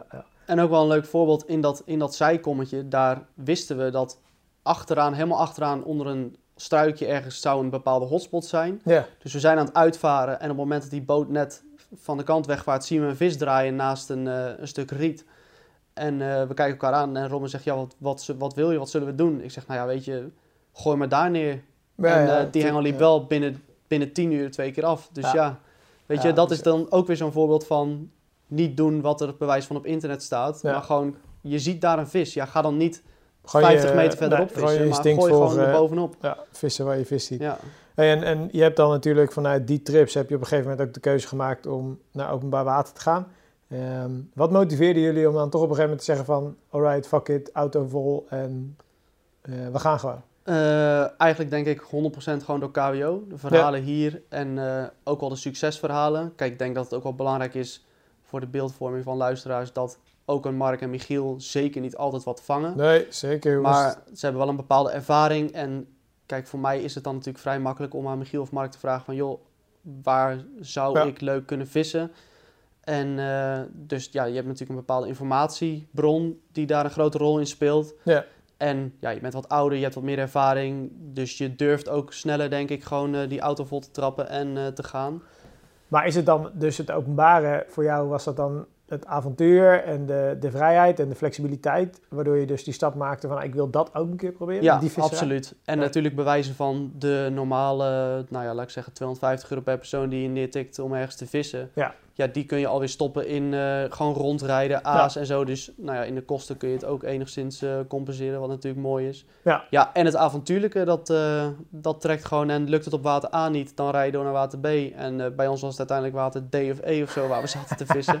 Ja, jullie hebben al zo'n Frankrijk hè? voorbeeld. Ja, Ah, je hoort het steeds vaker, hè? Je hoort steeds vaker dat jongens die naar, ehm, ja, in dit geval openbaar gaan, dat je inderdaad een plan B, C en van spreken D moet hebben, omdat of de omstandigheden zijn ruk, of er zitten gewoon vissers op je stekken, of het loopt niet en je moet kunnen uitwijken. Maar dat is denk ik wel een, een Ja. voorwaarde voor uiteindelijk Ja, kans absoluut. op succes. je hè? moet altijd sowieso van tevoren kijken naar meerdere opties. En eh, heel eerlijk hoor, wij hebben talloze fouten gemaakt daar. Maar eh, Ja, hoe, hoe daar- heet het artikel wat op KWO staat? Ik ben de titel even kwijt. Eh, ja, het is van vier dingen die ik leerde van mijn eerste openbare trip ja, of zo. is een community artikel, hè? Ja, klopt. Dus staat bij ons de community, jongens. Lang artikel waarin Pim gewoon echt vier dingen waarvan die zegt... Oké jongens, dit deed ik fout en hier heb ik van geleerd. ja. Ehm, weet je ze? Ja, natuurlijk weet je ze. Tenminste, ga ik vanuit. Ja, ik zit Vier, te denken de- welke ik ook weer zeg maar, precies. de vier maar- korte die je hebt aangehaald in dat het eerste wat in me opkomt is sowieso van, eh, nou ja, kijk, dat backup plan is natuurlijk mega belangrijk. Ja. Zorg dat je eh, meerdere wateren gewoon, dat je weet dat ze in de buurt liggen en dan niet op drie uur rijden van elkaar, maar het liefste zeg maar op, vaak heb je wel regio's waar 20, ze ook al 30 vrij, ja precies. max. Ja. Zoiets is mooi, want wij hadden ook een bepaald water in ons hoofd, ja, en dan heb je toch een beetje dat als optie A en van ja, Ja. daar moet het gebeuren en dan kom je daar aan, zit het vol Ja, dan en dan weet je van, oké, ja, tyfus, dat Ja. is dan wel meteen weer even slikken. Oh ja, wacht, we zitten wel op openbaar. Ja. Dus ja, Ja. Dat, het is ook gewoon steeds drukker natuurlijk. Het wordt ook steeds makkelijker voor mensen om daarheen te gaan. En Ja. je hebt natuurlijk nog de locals. Maar er zijn zoveel water in Frankrijk, jongens. Geloof ja, me, absoluut zeg hoor. maar, Oh ja, je kan je leven lang vissen ja, daar zonder een- dat je... In, in een straal van vervelen. 15 tot 20 kilometer rondom elk water wat jij op de kaart prikt, is genoeg ander... Ja, en in principe zit ook bijna overal wel karper. Hè? Ja, ik bedoel, eh, soms Exact. moet je ook gewoon een water waar je niks over kan vinden gewoon proberen. Ja. Oké, dus één is, heb je je backup plan? ja, Belangrijke? En dan de volgende, sowieso hele belangrijke is... Kijk, bij een water kun je natuurlijk altijd op bepaalde plekken aan het water komen. Ja. En wat wij sowieso te veel fout hebben gedaan... is de makkelijke route gekozen, de makkelijke stack. Ja, Dus ehm, zeg maar... eh, dus eh, eigenlijk gewoon ja, verder gaan. dichtst bij de parkeerplaats bewijzen van. Ja. Terwijl we achteraf hadden gezien, ook wel van mensen die na ons zijn geweest... die bijvoorbeeld aan de andere kant van het water hebben gezeten, noem maar op. Ja, vaar gewoon je spullen over en eh, neem gewoon die extra moeite. Iets meer risico, iets meer energie, iets meer moeite erin. dan Ja, dan- precies. Oké, tip 2. Oh jongens, ik moet even graven wat ik ook Ja, heb onze, onze, onze hoofdredacteur. Ik, eh, Nou ja, wat ik sowieso wel geleerd heb van... In Frankrijk heb je natuurlijk heel veel stuwmeren. Ja. En wat dan wat heel lastig is... Of wat ik persoonlijk heel moeilijk vond... Is als je bijvoorbeeld die randmeren bent gewend... Oké, je hebt een ondiep stuk, een vaargeul. Dus je vist sowieso in die vaargeul eh, onderin op het taluut. Dat zijn al plekken waar je die vis gewoon kan verwachten. Ja. En dan kom je op zo'n ehm stuwmeer. En daar loopt het gewoon langzaam af vanaf de kant. Ja. Dan komt er een dieptepunt. En dan loopt het langzaam weer omhoog. En dat, dan vaar je rondjes. En dan zie je dat het gewoon overal zo is. En dan denk je van ja... Waar de fuck ligt die vis dan eh, te chillen? ja, ja. En wat wij sowieso veel fout hebben gedaan, is gewoon het op een plek, oké, hier lijkt het goed. Of we dachten een signaal op de dieptemeter te zien dat daar vis lag. ja. Dat je daar dan een voerplekje maakt, geen marker of GPS-punt. De volgende dag is er niks gebeurd. Ga je hem verplaatsen, leg je hem heel ergens anders neer. En vervolgens heb je aan het einde van de week op 10, 15 plekken een hoop voer gestort. Ja. Waarvan op die eerste vijf misschien ondertussen de vis zit. Maar wij zijn alweer bij de volgende aan het vissen. Ja, ja, ja. ja. Dat is sowieso een belangrijke, denk ik. Om goed ook... Kijk, lukt het niet op een plek waar je wel wat gevoerd hebt... omdat er vaak best een groot bestand zit, kun je vaak wel wat voeren. Ja, ga dan ook later nog een keer terug naar die plek. Leg bijvoorbeeld markers neer of zet GPS-punten. ja. En als je zo'n stuwmeer hebt met zo'n bodemverloop waarvan je denkt... ja, ik weet het ook niet. Wat wij beter hadden kunnen doen is gewoon zo'n divé maken... waar we het eerder over hebben gehad. Ja. Vis de één op bewijs van 8 meter, één op 6 meter, één op 4 meter En kijken wat begint te kijken lopen. wat begint te lopen. Maak een voerstrook tussen twee markers. Ja. En ook ehm, de bodem, ongeacht wat je op de dieptemeter ziet, zit er vaak best wel wat verschil in hardheid. Ja, En ik weet dat, dat heb ik ook later aan Hofman gevraagd, van ja, hoe pak jij dat dan aan? En voor hem was ook wel de bodem voelen Mhm. een goed punt. Dus sowieso met een, een hengeltje met een stuk lood de boot in kan ook echt wel lonen. Dus dat, je toch, dat het toch harder is op bepaalde stukken, of juist zachter natuurlijk. ja. En ehm, ja, dat zijn... ja je geeft, je geeft ik, ik, ik heb stiekem, jongens, heb ik hier natuurlijk even het artikel erbij gepakt. Maar hadden het net al gezegd, ja, lokale kennis heb je gezegd, hè, is goud waard. Ja, Ik denk dat dat een belangrijk is. Dat heb ik zelf ook mega vaak gemerkt. Dus dat als je een beetje Frans, of in ieder geval gewoon fatsoenlijk Engels, en met een lach op je bek, gewoon even een paar lokale vissers Ja. aanspreekt. Van, hé hey jongens, hoe is het? Ik ben van ver gekomen, ik wil graag vissen. En ook gewoon even van, hé, als jij hier zit, ga ik ergens anders zitten. Hoe is het gegaan? Vaak zijn het hele relaxte gasten die echt Ja, wel bereid klopt. zijn om, om wat kennis te delen. Ja. Ehm, en ja, helemaal als je daar voor het eerst komt en niet zoveel kennis hebt. Alles wat zo'n gozer je wil vertellen is echt gewoon ja mega waardevol. Klein voorbeeldje, wij hadden een water dat was bewijzen van optie Z, omdat daar zouden we, daar zouden de vissen zijn uitgezet. Daar was zo'n vidange, een drooglegging zou daar geweest zijn. En we kwamen bij dat water en spraken een Fransman, die, of een eh, Engelsman zelfs, die woonde in dat dorpje daar. En die zei van, nee, dat, daar zijn ze nog helemaal niet mee begonnen. De Fransen hebben natuurlijk een werktempo van, eh, Ja, zeg maar, de helft van hier. Meestal, niet Ja. allemaal natuurlijk. Maar, eh, dus dat, dat ging pas veel later worden dan gepland. En dus een water wat wij bij, bij voorbaat eigenlijk afgeschreven hadden, wat natuurlijk sowieso dom is. Ja. bleek eigenlijk daar best een goede optie te zijn. Want het was ook nog leeg. En daar kwam je achter dus- door die local. Ja, door, dat, Ja. Door, met die, door met zo iemand te praten, eh, kwamen we daar inderdaad achter. Ja. En eh, bewijs van, als je echt een beetje Frans spreekt, kun je als er bijvoorbeeld een controleur langskomt, soms ook nog wel wat dingen vragen. Ja, zeker. En een biertje doet ook wonderen, jongens. Ja, ik ken zelfs maar- mensen die standaard flessen drank meenemen Ja. om eventueel mensen nou ja, om Ja. te kopen. bij wijze Ja, van. ja, echt. Dat, maar, Maar- het is ook natuurlijk gewoon ergens gewoon heel sociaal. Hè? Ik bedoel, stel je voor ja dat iemand, precies. eh, er komt iemand aan op jouw thuiswater, een Duitser, en die biedt je een biertje aan en vraagt je gewoon wat dingen. En dan ben je Ja, ook wat geneigder om tuurlijk, te vertellen precies. van, joh, hè, probeer het daar eens. Je komt van 800 kilometer rijden en je wil hier vissen. Oké man, ik gun je Ja, vissen. en net als wat jij zegt, gewoon een glimlach en Ja. gewoon relaxed. En ga Ja. niet als iemand op een plek zit waar jij wil vissen, Ja. moet je, maak er geen probleem van. Er zijn nog duizend andere plekken, dus Klopt, dat... eh, gewoon een beetje relaxed erin staan, Ja. denk ik, is al eh, de helft. eh, Je hebt ook aangegeven in je artikel, hou er rekening mee dat je dus niet de enige bent. Ehm, ja, dat hangt natuurlijk ook weer nauw samen met, heb een backup plan. Ja, Ehm, hou ook gewoon rekening mee met het feit dat er daar, hè, er is waterrecreatie, er zijn roofvissers, er zijn locals die ehm, wat andere ideeën hebben bij het op afstand van elkaar vissen dan wij Nederlanders hebben. Ik heb het ook zo vaak gehad dat er gewoon gasten, zeg maar letterlijk 30 meter naast me gewoon uitpakken en het heel normaal vinden dat ze Ja. daar gewoon rechtdoor uitwerpen en dan vissen. Terwijl misschien Ja. mijn linkerhengel compleet langs de oever loopt en zeg maar hij dwars over mijn lijnen heen vist. Ja, dat, ja. Ja, Dat- je moet, je moet gewoon van tevoren bedenken. Ja. Oké, ik ben daar sowieso niet de enige. En dat heeft dus deels te maken met dat doe niet wat iedereen doet idee. Ga dus Ja. ook niet op de meest voor de hand liggende stek liggen. ja, En ook weer gewoon dat sta er open en relaxed in en kijk gewoon wat er daar gebeurt. Ja, en, en, en reageer, weet je. Komt Ja. er zo'n gozer, ja, ga geen bonje maken. Kijk Nee. gewoon wat je wel kan. En, ja, je ja. maakt de gekste dingen mee. Wij hadden zelfs op een plek waar we uiteindelijk dachten, nou, dit is echt een goede plek, vlakbij een, eh, een, eh, een stuwdam.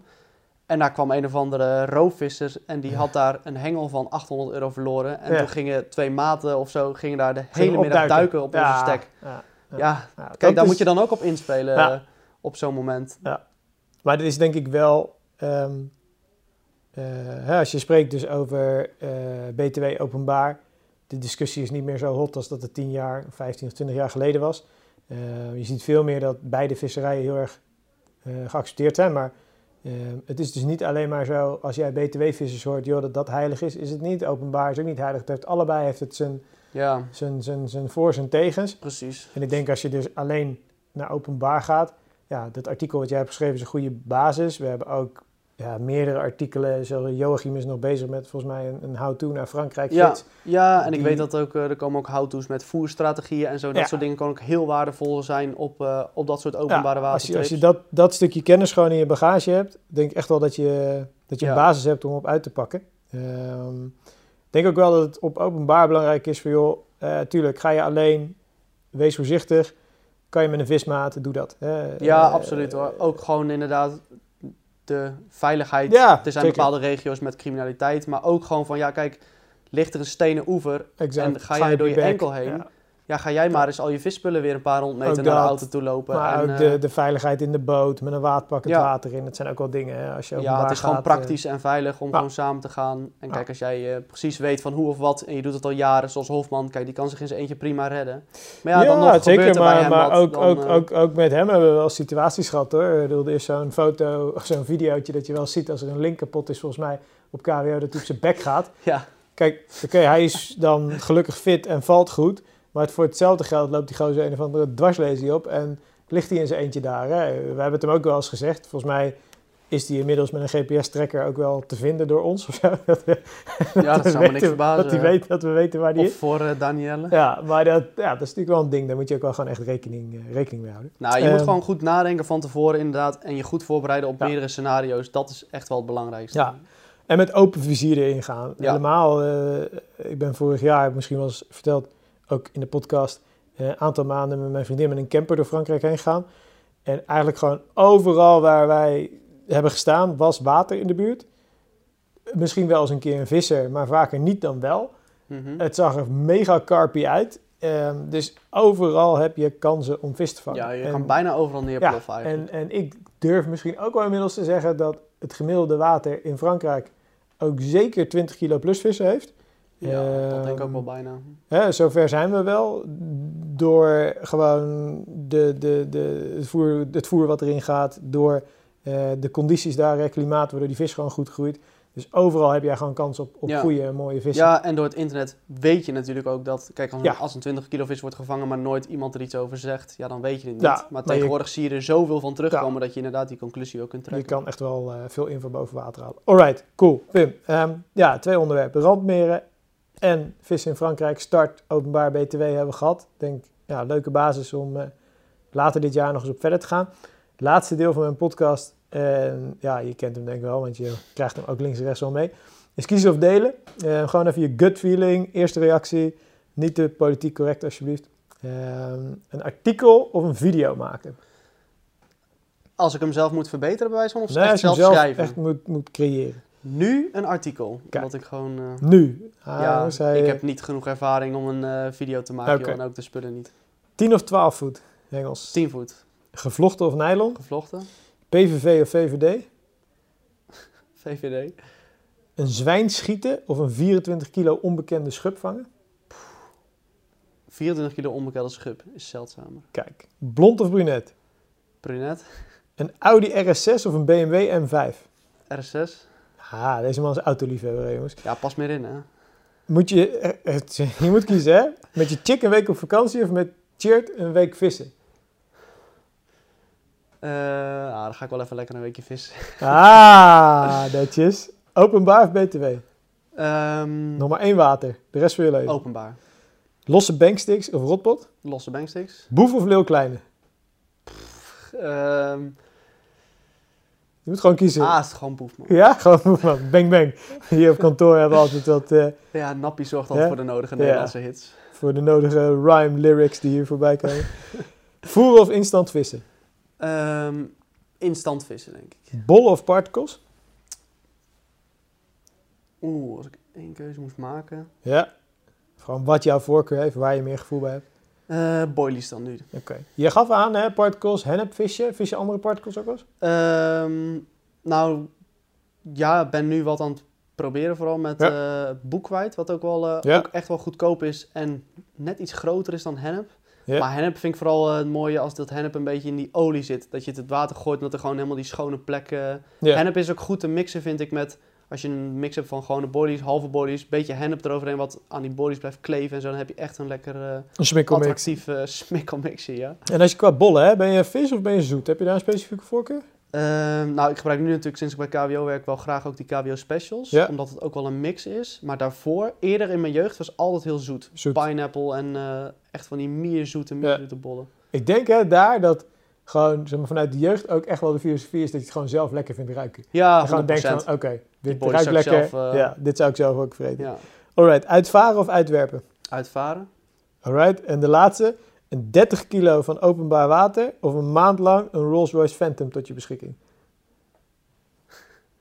Nee, zo'n Phantom is een oude, oude lullenbak. Of in ieder geval, oké, maar maak er dan jouw ideale wagen. Zeg maar gewoon dat je zegt, Nee, één maand is niet genoeg. Zo'n vis kan je lang nee, van 30 genieten. kilo, ja? 30 kilo, kijk, echte. Hey Pim, heb jij nog een, een ehm, ik heb een paar vragen aan je. Heb je een KWO-project waar je of zelf mee bezig bent of wat je weet dat er aankomt, waarvan je zegt, jongens, dat tip ik, dat komt eraan, fucking vet, houd in de gaten. Is er nog iets wat Ehm, bij je oppopt? nou, als ik nu denk aan video's die gepland staan, dan Ja. zijn die natuurlijk al lang online voordat... eh hoe zeg Ja, dat? Misschien, ja, misschien heb je er nu een paar in je hoofd van je zegt, oké, check die sowieso. wat Nou ja, sowieso. Kijk, aankomende vrijdag komt die nieuwe van eh, Pilar op Bled. En ja, het maakt nu niet meer uit wat ik Ja. zeg natuurlijk, maar hij gaat gewoon echt een ziekelijke vis vangen daar. Ja, dat is de gezinsstrip. Ja, Ehm, tweede deel. Ja, dus, dus die is inmiddels live, jongens, als jullie dit horen. En oké, en nou, wat we al zeiden, Joachim is druk bezig met een Frankrijk-gids. Ja, dat wordt sowieso heel vet. En wat ik zelf ook onderschat heb qua waarde, Ja. en wat ik ook echt gemerkt heb, is bijvoorbeeld in bijna ieder voorjaarsartikel artikel stond zo'n tip van voer niet te veel. Ja. En dan dacht ik van, hm, ja, wat een voor de hand liggende kuttip. En toen was ik afgelopen weekend aan het vissen en was er een, een jongen naast mij eh, die eh, ging even wat bijvoeren en die strooide Ja. gewoon een kilo boilies op één Ja, hengel. Toen dacht ik van, wow, eigenlijk zijn die tips die we dan vaak maken, en er zit nu een how-to week aan te komen, Ja. echt wel de moeite waard om, om even te bekijken. Het Ja. is misschien, soms zit er zo'n beetje, nou ja, bewijs van flauwe of inkoppertje ja, inderdaad tussen. Maar ja, hou daar wel gewoon rekening mee. Het zijn bijna allemaal fouten die mensen hebben gemaakt. En waar ze dus over kunnen vertellen. Ja. Of waar wij het is over gewoon goed, denk ik, om even, ook al is het voor jou een hele simpele, om wel hem even op jouw visserij te leggen. Dus joh, precies. voer niet te veel. Oké, hoeveel voer ik? Waarom doe ik dat? En wat zijn mijn resultaten? Nou, als jij uiteindelijk zegt, joh, ik voer zoveel en mijn resultaten zijn goed, ja, perfect. Dan, maar dan heb je hem wel even ge Ja, gedubbelcheckt of zo. Die, Je moet het eh, inderdaad gewoon reflecteren naar jezelf. Ja, En sommige dingen gelden helemaal niet op bepaalde wateren. ja. Maar eh, het is inderdaad wel goed om gewoon scherp te zijn erop. Ja. Want het kan je gewoon meer vis opleveren. En wat ik denk dat een heel cool project is, is jullie gaan natuurlijk, jij en Bultus gaan in mei naar een nieuw betaalwater in Frankrijk. Een partner met wie we samenwerken. Ik denk dat die video, als het mee zit en we mogen vanwege corona, et cetera, dat die ergens in juni live gaat komen. Nou, dat zal ik een, ook, eh, ja. een paar weken zijn nadat deze podcast live is. Ik denk dat dat ook wel strak is, want ik denk dat je in die video misschien ook wel veel meer gaat terugzien van wat we in deze podcast bespreken. Ehm, dus de aanpak op een betaalwater, welke tactieken werken, hoe die jongens het gedaan hebben. Eh, Ja. Hoe ze misschien op hun bek ook zijn gegaan, ik hoop het niet. Ik hoop dat jullie vangen, maar ik denk dat dat ook wel een, een leuke case is om die in de gaten te houden. Ja, en sowieso is het natuurlijk... Ik ben totaal geen bekend gezicht. Waarschijnlijk als deze Ja. podcast, podcast uitkomt, denken mensen van... Ja, wie de fuck is Pim Groot Nibbeling? Maar eh, ja, je komt natuurlijk gewoon nu al vaker met je gezicht voor de camera. Ja. En ook zoals afgelopen week met Bulters hadden we nog een hele mooie vis om mee af te sluiten. Daar hebben we best wel wat videobeelden van gemaakt. Dus daar zal ongetwijfeld ook een soort uh, nou ja, ook snipper of wat ook eh, Ja. komen. Dus het is denk ik ook wel gewoon leuk om... Nou ja, dan kun je ook wat meer van mij zien en met Bulters samen en wat ik dan eh, Ja. zou doen. Wat meer de gezichten achter. En- eh, Ja, hoe we hopelijk eh, succes boeken. ja, kijk. Niet te voorzichtig, Pim. Gaat Nee, nee, vol vertrouwen natuurlijk altijd. Alright, Pim. Heb je nog een boodschap voor luisteraars? Die zegt, jongens, ik wil jullie dit nog meegeven. Nou ja, op basis van alles wat we besproken hebben, is denk ik gewoon wel goed om open te staan. Niet te veel aan je plan vast te houden wat je Ja. van tevoren maakt. Kijk, je moet gewoon denk ik zoveel mogelijk informatie verzamelen over een water. Ongeacht of dat openbaar of een betaalwater is of je lokale water. En dan gewoon als je daar komt, bewijzen van niet alleen maar de voorgeknoopte richts bij je hebben waarvan je via internet dacht dat het zou werken. Ja. Maar ook gewoon zorg dat je gewoon uitwijkmogelijkheden hebt. Dat je dingen anders probeert. Dat je kunt verkassen als het nodig is. En Ja. ja, En dat je het Ja. ook doet. Ja precies. Dat je gewoon ook die moeite doet. Ja. Want het kan je zo verschrikkelijk veel opleveren. Als je wel die moeite doet. Zeker als anderen het niet doen, kun je daar Ja. het verschil maken. Ja, dat is ook echt wel een rode draad die ik elke keer bij succesvolle vissers weer terug zie komen.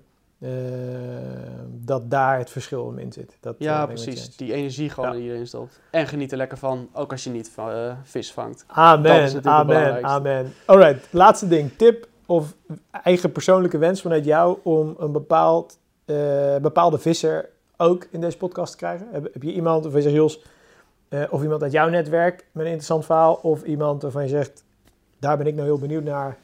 Eh, heb je iemand specifiek in je kop waarvan je denkt, Nou, als ik binnen mijn eigen netwerk kijk, als je bijvoorbeeld Cheert zou vragen, zou misschien wel leuk zijn. Maar ik denk dat hij grotendeels natuurlijk dezelfde ervaring heeft als die ik nu ja, heb verteld. zit dicht bij, eh, dicht Maar bij wat- jou.